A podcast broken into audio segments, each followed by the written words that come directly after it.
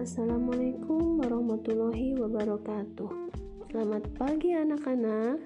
Alhamdulillah kita masih diberi kesempatan oleh Allah Subhanahu wa taala untuk melakukan pembelajaran walaupun masih lewat udara. Pada podcast pembelajaran kali ini, Ibu akan membahas tentang ciri-ciri pubertas pada anak laki-laki dan anak perempuan. Nah, sekarang kita mulai saja ya. Ciri-ciri pubertas pada anak laki-laki di antaranya adalah yang pertama, sudah mulai tumbuh rambut tipis di bagian tubuh selain rambut di kepala. Kedua, Jakun di leher sudah tampak membesar.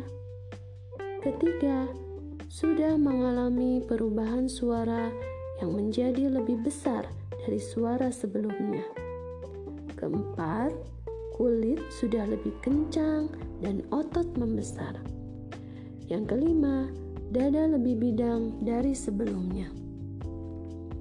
Adapun ciri-ciri pubertas pada anak perempuan antara lain adalah yang pertama, sudah mulai tumbuh rambut tipis di bagian tubuh selain rambut di kepala. Kedua, sudah mengalami perubahan suara yang menjadi lebih melengking dari suara sebelumnya.